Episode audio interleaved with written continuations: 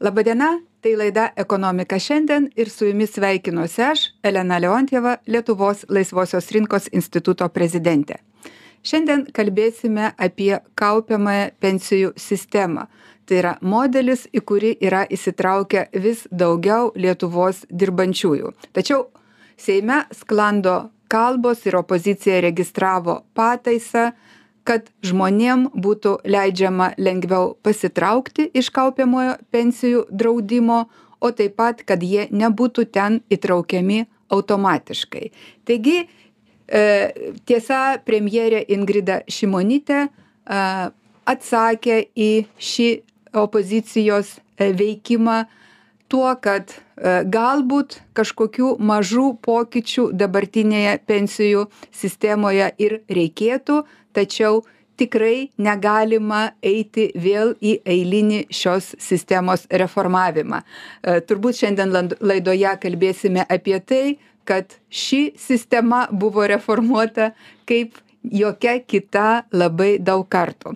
O pakalbėti apie tai, kaip mes kaupiame savo būsimai pensijai, e, pakviečiau gerbiamą tadą gudaitį jis yra lietuvos investicinių ir pensijų fondų asociacijos vadovas. Sveiki tadai. Laba diena ir taip pat finansų maklerio įmonės orion securities vadovą alių jakubėlį.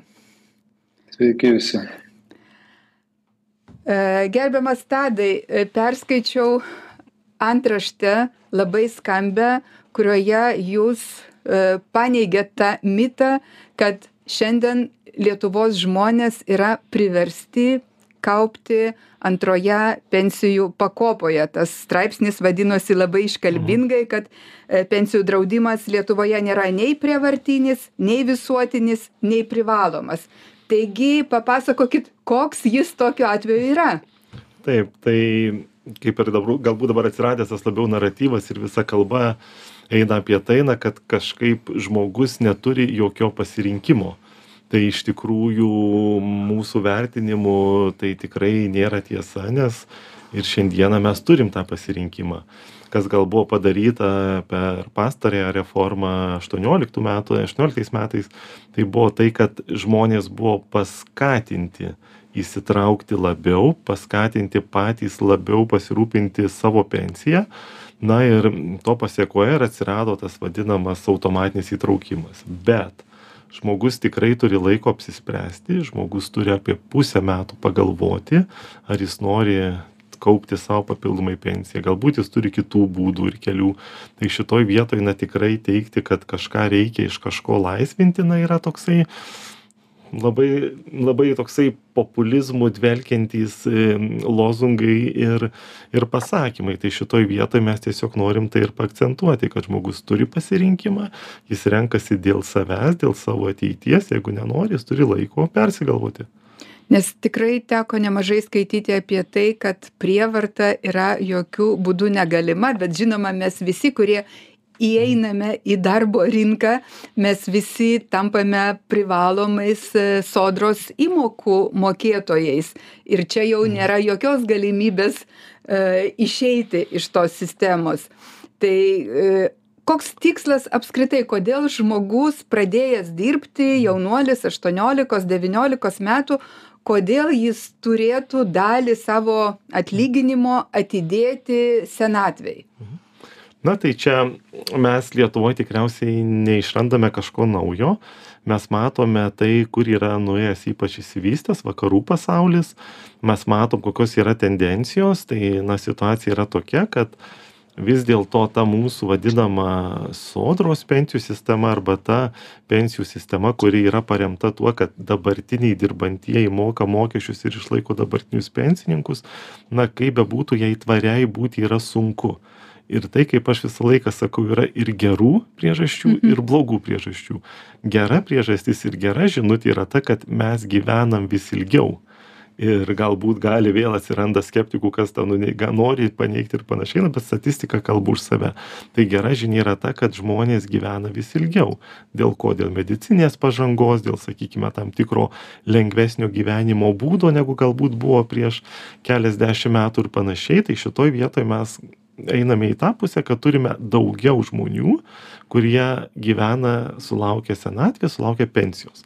Na, o kita ta priežastis jau nėra tokia gera, ne, tai mūsų ta demografinė pusė, kur yra susijusi su jaunai žmonėms, su gimstamumu ir panašiai.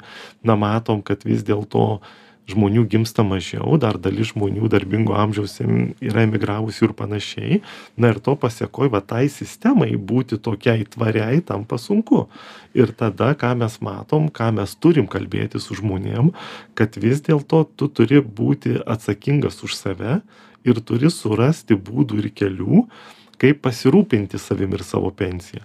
Tai tikrai tų būdų yra įvairiausių ir galbūt ta vadinama antroji pensijų pakopa trečioji pensijų pakopa yra vienas iš būdų bet sakyčiau jis yra orientuotas į tą žmogų dirbantį kuris gauna reguliarias pajamas reguliarų atlyginimą na ir tokiam žmogui geriausiai nuo jaunų dienų sau atsidėti papildomai savo pensijai kad aš turėčiau ją iš keleto šaltinių. Tai sodra tikrai jinai bus bus tam tikras pensijos dydis bet tikrai jis nebus pakankamas tai tai manau yra svarbiausia Tai- suprasti kad aš pats turiu būt atsakingas už tai kad aš užsitikrinsiu sau papildomų pensijos šaltinių. Ir šiandien mums e, tenka išlaikyti vieną pensininką, tris su pusę dirbančiojo. Tai vad mes, Tadas ir Alius ir dar pusę žmogaus, mes išlaikome vieną pensininką. Yra paskaičiuota, kad 2050 metais jau tik tai vienas ir aštuoni e, procento žmogaus, tai nepilni du žmonės jau turės išlaikyti mūsų, kurie jau busim tapę pensininkais, ar ne? taip ir toj ir toj vat pasekoj va tai sistemai kaip jūs ir sakot tikrai tampa sudėtinga būti tvariai. Arba kaip aš sakau per tokį galbūt paprastą skaičiavimą visą laiką na žmogus gauna tūkstantį eurų atlyginimo. Ir mes taip ir galėtume pagalvot tai koks gi yra tas tikslas kokia yra ta gera jo pensija. Tai aš šiandieną gaunu tūkstantį išėjau į pensiją ir kaip aš gyvensiu rytoj. Tai ta vaka vakarietiška patirtis ką sako na tai turėtų sudaryt apie septyniasdešim aštuoniasdešim procentų arba kitais žodžiais tariant na išėjau į pensiją ant rytojaus gaunu aštuonis šimtus taip tikrai reikia žiūrėt į įvairias situacijas čia paimam tokią jau galbūt šiek tiek vidutinišką ir ir ir žemesnę žmogaus situaciją bet dabar žmogus gauna tik keturis šimtus penkiasdešim eurų tas kuris gavo tūkstantį. Tai va ta Tai sistema visą yra kitą sukurta reikia vis dėlto nuo jaunų dienų investuoti ir- investuot taupyt ir Okei. ir savim pasirūpint. Bet dabar tada Aliaus noriu klausti, nes daug kritikos pasipylė ir apie tai, kad realiai prieaugis nėra toks didelis ir realiai, kažin ar žmogus galės gauti 20 ar 30 procentų savo busimosios pensijos iš tų sukauptų lėšų. Papasakokit, kaip tos lėšos yra investuojamos ir nuo ko priklauso tas prieaugis ar jo kritimas. Tai kaip gerai pastebėjot, pradžiai e, paklausė tokio klausimo, tai koks yra tikslas. Na? Tai mes labai aiškiai turim suprasti, kad e, e, apie šitą pensijų sistema yra sukurta žmogui, kuris neturi dabar su didelio turto. Na? Ir, ir, ir reiškia, kad jisai gali atidėti po labai nedidelę dalį pinigų kiekvieną mėnesį ir, ir taip jisai e, turės rezultatą po labai ilgo laiko. Tai būtent kiekvienas turi atsakyti, tai koks tas mano tikslas. Paprastai, kas susijęs su investavimu, turi tokius tris labai išreikštus tikslus. Vienas tikslas, kad e, žmonės nori sukaupti kažkokiam daiktui, kelioniai, nežinau, įsigyti automobilį ar kažkokį tai, sakykime, kažkur pakeliauti. Ir Kitas e, toks e, yra vaikų mokymas, iš- išskiriamas kaip toks didesnis tikslas, kad turiu nu, sukaupti ir pasirūpinti savo vaikais, bet jis toks jau dar arti, nu, sakykime, tas daiktas labai arti, vaikai galbūt po, po kelių metų ar po ten dešimt, o jau pensija po 30. Ir tas tolimas 30 ar 20 labai toli ir, ir, ir dėl to e, motivacija tą daryti labai maža. Dėl to žmogus renkasi išleisti pinigus čia ir dabar, negu kažkur tai dėti sąskaitoje. Tai va tas labai toks turi būti aiškus supratimas, kad aš kaupiu po nedaug kas, ir kaupiu ten kas mėnesį. Tai E, Bet e, labai yra nuostabus dalykas, kad yra ta kapitalo rinka, kuri leidžia tą daryti ir tai daryti labai paprastai ir efektyviai. Tai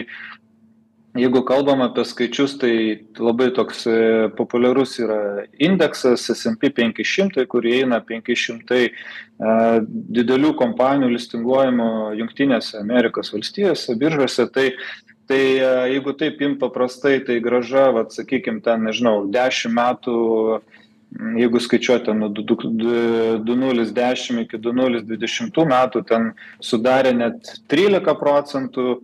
Na jeigu dvidešim metų galbūt ta grąža yra apie septynis procentus bet grubiai jeigu investuojama į indeksą taip skaičiuojama šeši septyni procentai metinė grąža kas dažniausiai lenkia ir tą infliaciją ir padeda e, tų sutartinių palūkanų efektą kas yra nu sakykim stebuklas kad tie pinigai dauginasi geometrine progresija ne ne ne sakykim ne tai kad aš kaupiu. Tai tai vat yra būdai kaip po truputį ir aš galiu kaupti tam tikslui. Tiktai problema kad žmonės nemato to tikslo. Ir ir ir politikai kaip pastebėjot teisingai kad nu jau kažkokia sukaupta sumelė jinai žmogui jau apčiuopiama bet jis mato ją šiandieną ir ją nori išleist šiandieną. Tai tai labai lengva žaisti galbūt tokiais kaip sakyt galbūt norit pasiimti tuos pinigus išleist nusipirkti automobilį ar šaldytuvą bet bet kas bus po dvidešim metų vat būtent mes nukeliam tą dalį. Tai tai yra sukurta sistema jinai puikiai veikia tiesiog turim labai atsakyti sau tai ko mes norim ko koks tas tikslas mūsų yra ir kadangi aš stovėjau prie tos sistemos kūrimo ištakų tai galiu pasakyt kad tikrai tikslas nebuvo duoti verslo pensijų fondams ir investicijų fondams nes paprasčiausiai jų tuo metu nei buvo nei mes žinojom kokie jie bus bet galvojome apie būsimą pensininką tuo metu ypatingai buvo didelis pensininkų skurdas lietuvoje po visų rublio infliacijų po visų nusavinimų ir matėme koks priklausomas yra žmogus senatvėje kai jis visiškai priklauso tik nuo valdžios tik nuo tos varganos pensijos ir kaip lengva manipuliuoti politikams tokiu žmogumi nes jis nu tikrai nieko neturi gal tą butelį kažkokį ir ir tą pensiją. Ir būtent tada ir gimė ta mintis kad negana mum privatizuoti tiktai mūsų pramonę bet turime kažkaip išvalstybinti ir tą socialinio aprūpinimo sistemą tai institutas dar devyniasdešim ketvirtais metais labai seniai pradėjo kalbėti pradžioje apie tai kad reikia daryti tokį posūkį reikia ieškoti būdo pereiti nuo visiškos priklausomybės prie dalinio priklausymo nuo sodros ir kaupimo kaupimo modelio kurį žinojome aišku iš kitų šalių. Ir kas turbūt ypač svarbu paminėti kad visi tuo metu ir politikai kai jau po du tūkstantųjų metų jau buvo gimę įstatymų projektai visi suprato kad įmoka tiesiog yra dalinama į dvi dalis. Viena dalis tebeina sodrai kita dalis patenka į privatų kaupimą ir buvo mąstoma kad ta dalis priva į privatų kaupimą nuolatos augs o šita dalis mažės nes mažiau žmonių bus visiškai priklausomi nuo sodros pensijų. Tai vat toks buvo konceptualus sumanymas ir tikrai to negalima vadinti kažkokiu į pinigų vagimu iš sodros ar ar kažkokiu ypatingu skatinimu. Tai pa pats modelis reiškia kad valstybė suinteresuota kad žmogus turėtų du šaltinius ir tiesiog tos įmokos ir eina į du šaltinius bet kiek žinau paskui tie tarifai buvo ne vieną kartą keičiami mažinimo puse. Tai turbūt dėl to irgi žmonės nesukaupė tiek kiek mes buvome sumanę. Taip tai čia vat jūs labai gerą kampą palietėt ir labai gerai kad mes kalbam apie tą ilgalaikę perspektyvą. Tai yra vat kokie buvo tikslai pradžioje ir kaip jie keitėsi. Tai iš tikrųjų mes matėm iš savo veiklos kad tų pakeitimų drįsčiau teigti buvo net ir per daug. Ir vat ką minėjo gerbiamas alius ir ir ir ir ir jūs tai kad na vis dėlto politikam norėjosi labai daryti įtaką sakykime tos sistemos vystymuisi ir galbūt kas yra atvirkščiai svarbu pensijų sistemom kad jos kuo veiktų kuo ilgiau ir kuo mažiau judinamos. Nes jos kaip ir kalbėjom yra tikrai ilgalaikės.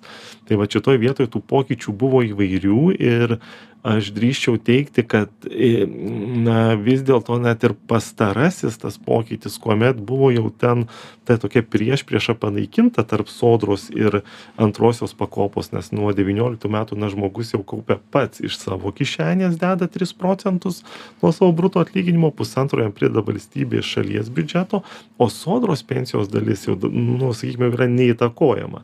Tai vat šitoj vietoj galbūt mes tam tikra prasme šiek tiek ir ar politikai išsprendė tą konfliktą kuris buvo e, tam tikrą momentą arba galbūt kaip kai kurie politikai jį pasuko jiem palankiu kampu.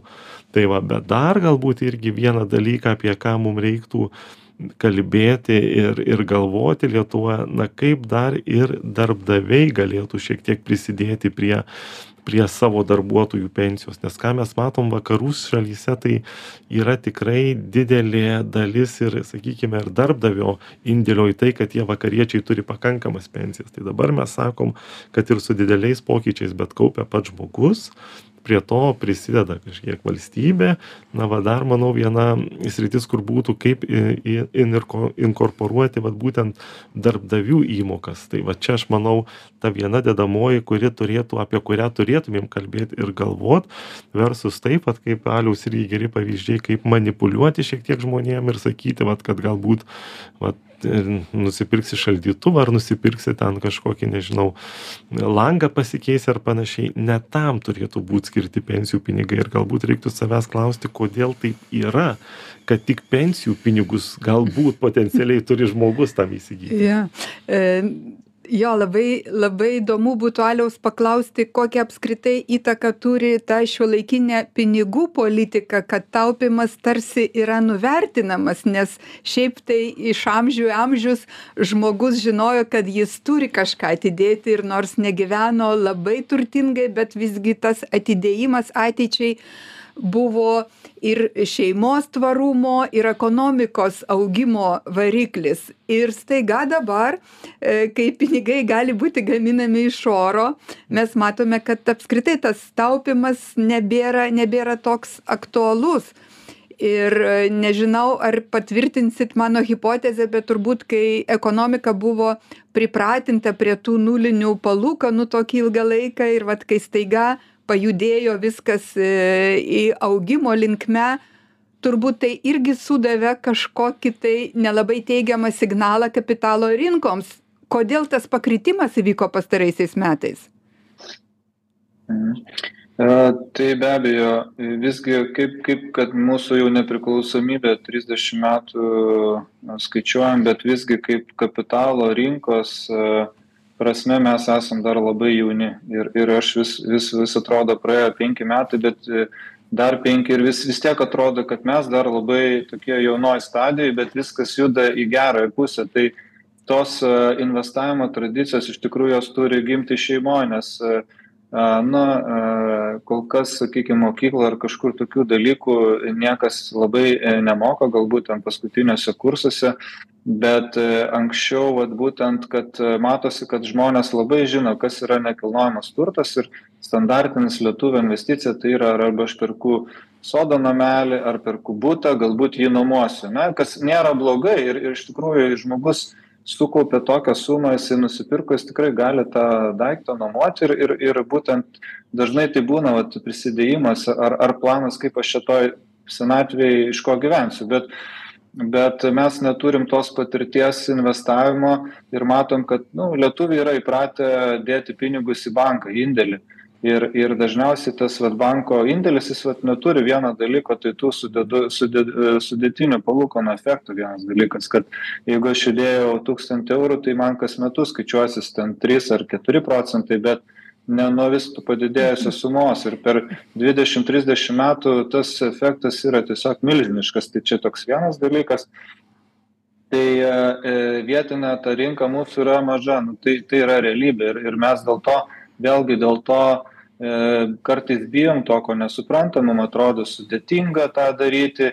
Na ir ir ir vat būtent tos baimės kažkoks tai nemokėjimas ar panašiai žmonės ar ten sakykim kažką pabandė prarado arba dažniausiai žmonės nori tai kas atrodo labai populiaru na sakykim ten prasideda kriptovaliutų bumas jie bando pirkti kriptovaliutas kažkas tai kažkoks vėl e, naujas e, ir vėl žmogus į tai kas e, dažniausiai jau pavėluota būna na jisai jisai jau pastebi jau jau pavėlavęs ir kai jisai praranda tas praradimo skausmas jį labai supančia toks netekimo netekimo kaip ir skausmas psichologijai yra labai svarbus kad jį atgraso nuo būsimų veiksmų bet vat būtent apie pensijų sistemą kas yra kaip būtent sakau kas nuostabu kad visų pirma tu kai atidedi mažą dalį tu labai tau nepasijaučia nes tai vyksta automatiškai ane tai vat būtent tas automatizavimas kad tai vyksta kas mėnesį tiesiog ar nurašomos sąskaitos ir kažkaip tai labai svarbu būtent žmogui nes žmogus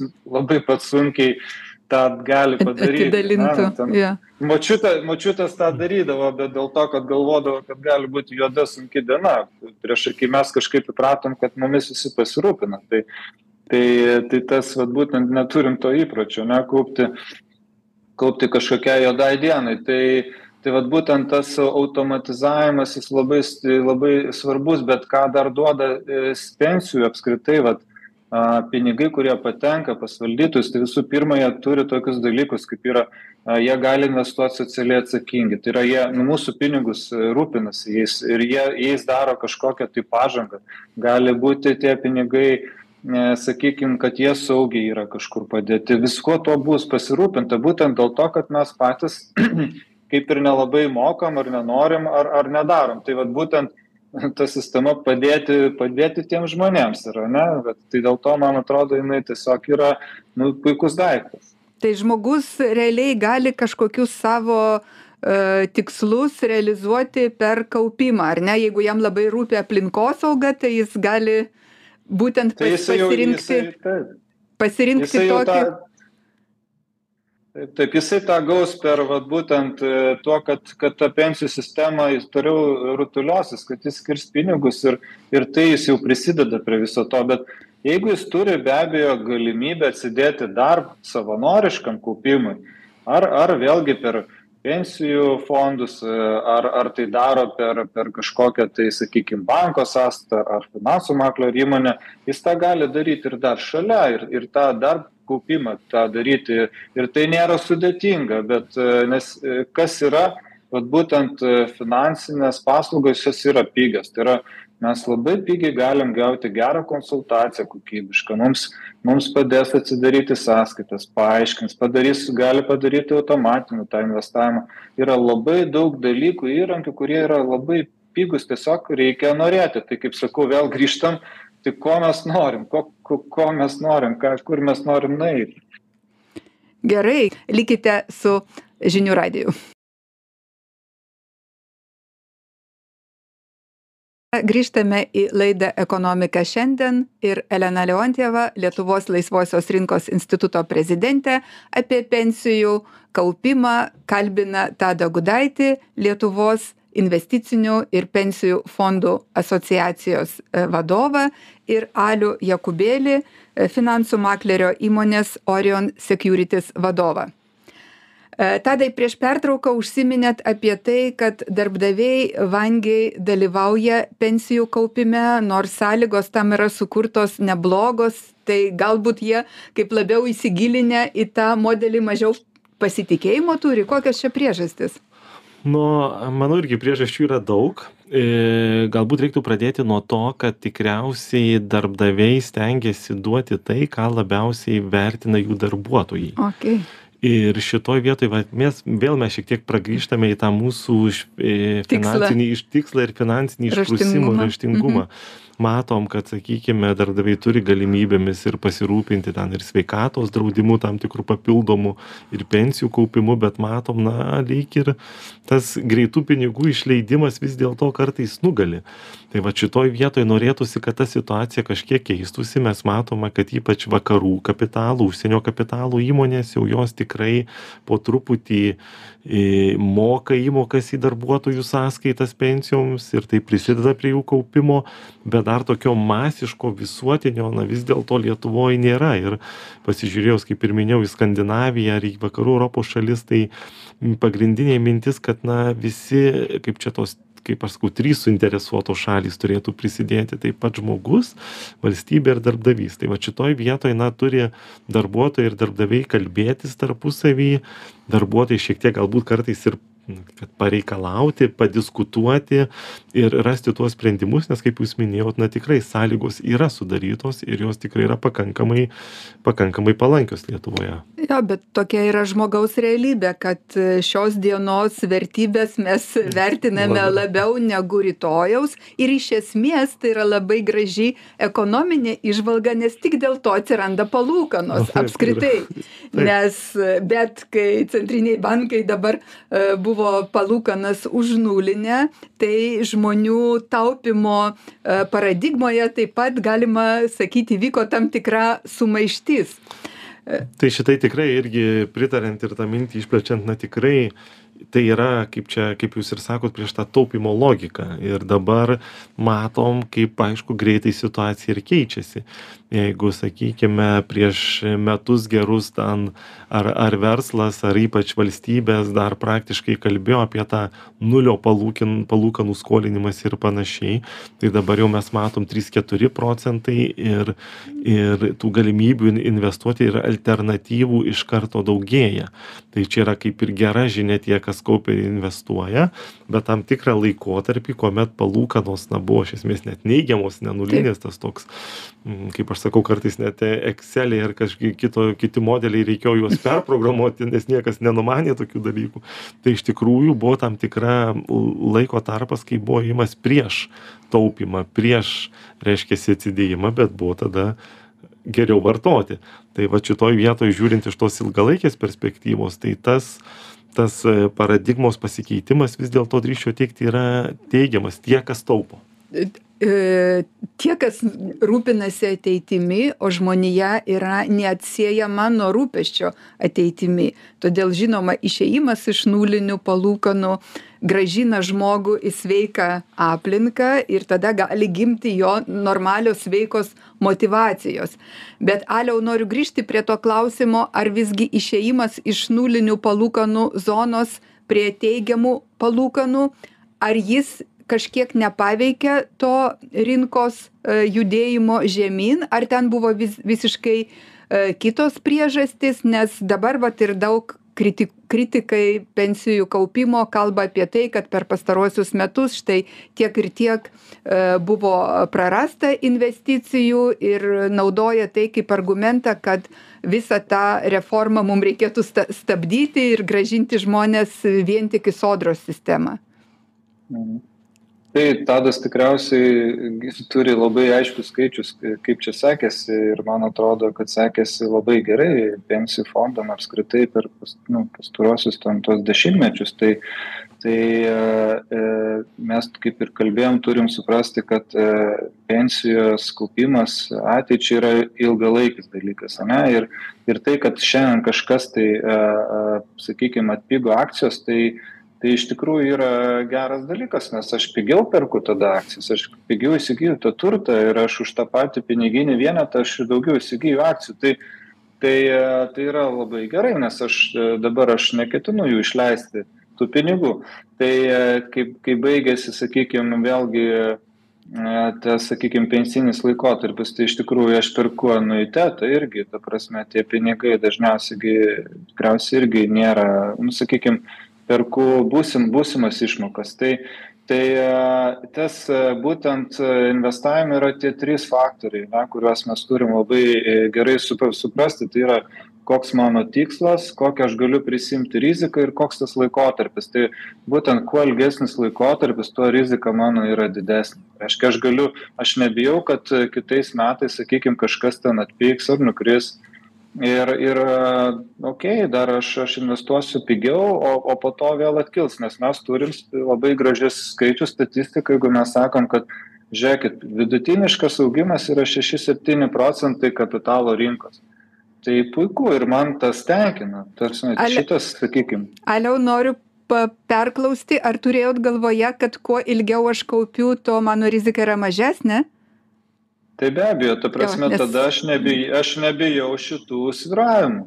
Man šitie sviravimai jie yra natūralūs rinkos dėsniai ir, ir be abejo dirba profesionalų žmonės, būtent tuos, vėlgi supraskim, kad, kad pensijų fondus valdo profesionalai, jie žiūri, stebi, jie priema sprendimus ir aš visada galiu palyginti, ar, ar sakykime, šitie valdytojai man jie, jie aš jais pasitikiu, ar, ar aš noriu, pavyzdžiui, galbūt noriu pakeisti, jeigu kažkas, kažkas, tai vėlgi nėra jokių draudimų, sakykime, pasirinkti kitą, bet, bet dažniausiai, kadangi mano laikotarpis yra ilgas, aš, aš renkuosi, vėlgi tai yra licenzijuojama, prižiūrima ir, ir daug kitų saugumo garantų, nes kai aš pats kaupiu, tada aš šitas rizikas pats turiu žiūrėti, aš pats turiu kontroliuoti, Taip, taip. aš tada labai svarbu ta drausmė, taisyklės, jau reikia žinių kažkokių, tai, tai vėl grįžtam, kad tai yra nu, puikus įrankis, ne? o dabar kas įvyko, tai dažniausiai, kaip sakiau, rinka veikia priešingai, negu e, mes galvojam, ar, ar mes tikimės, ar ekonomika rodo, nes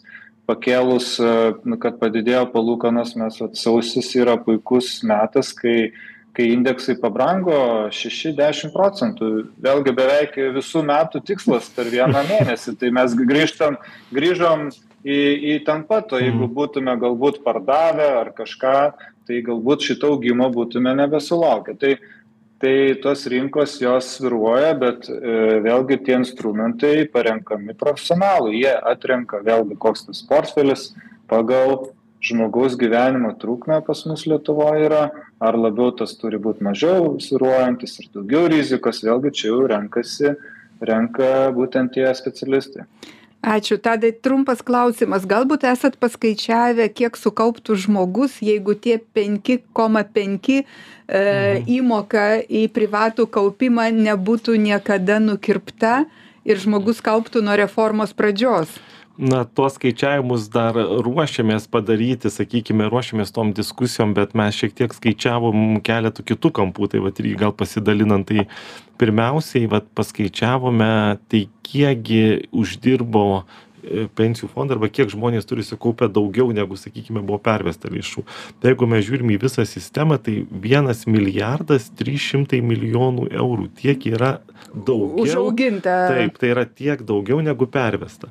Jeigu dar bandom paskaidyti, tai apie 400 milijonų iš jų yra išmokėta, sakykime, patiem jau pensininkam ar paveldėtojo mirties mhm. atveju ir 900 milijonų, vat, netgi po to mūsų mhm. pernykščio pasmukimo, vat, jį įvertinus, na tai tikrai yra nu, įspūdingi skaičiai. Ir aš mėgstu sakyti, kad na pensijų sistema antroji jinai įneša pinigus jinai negauna juos bet jinai sukurdama vertę įneša į bendrą pensijų sistemą.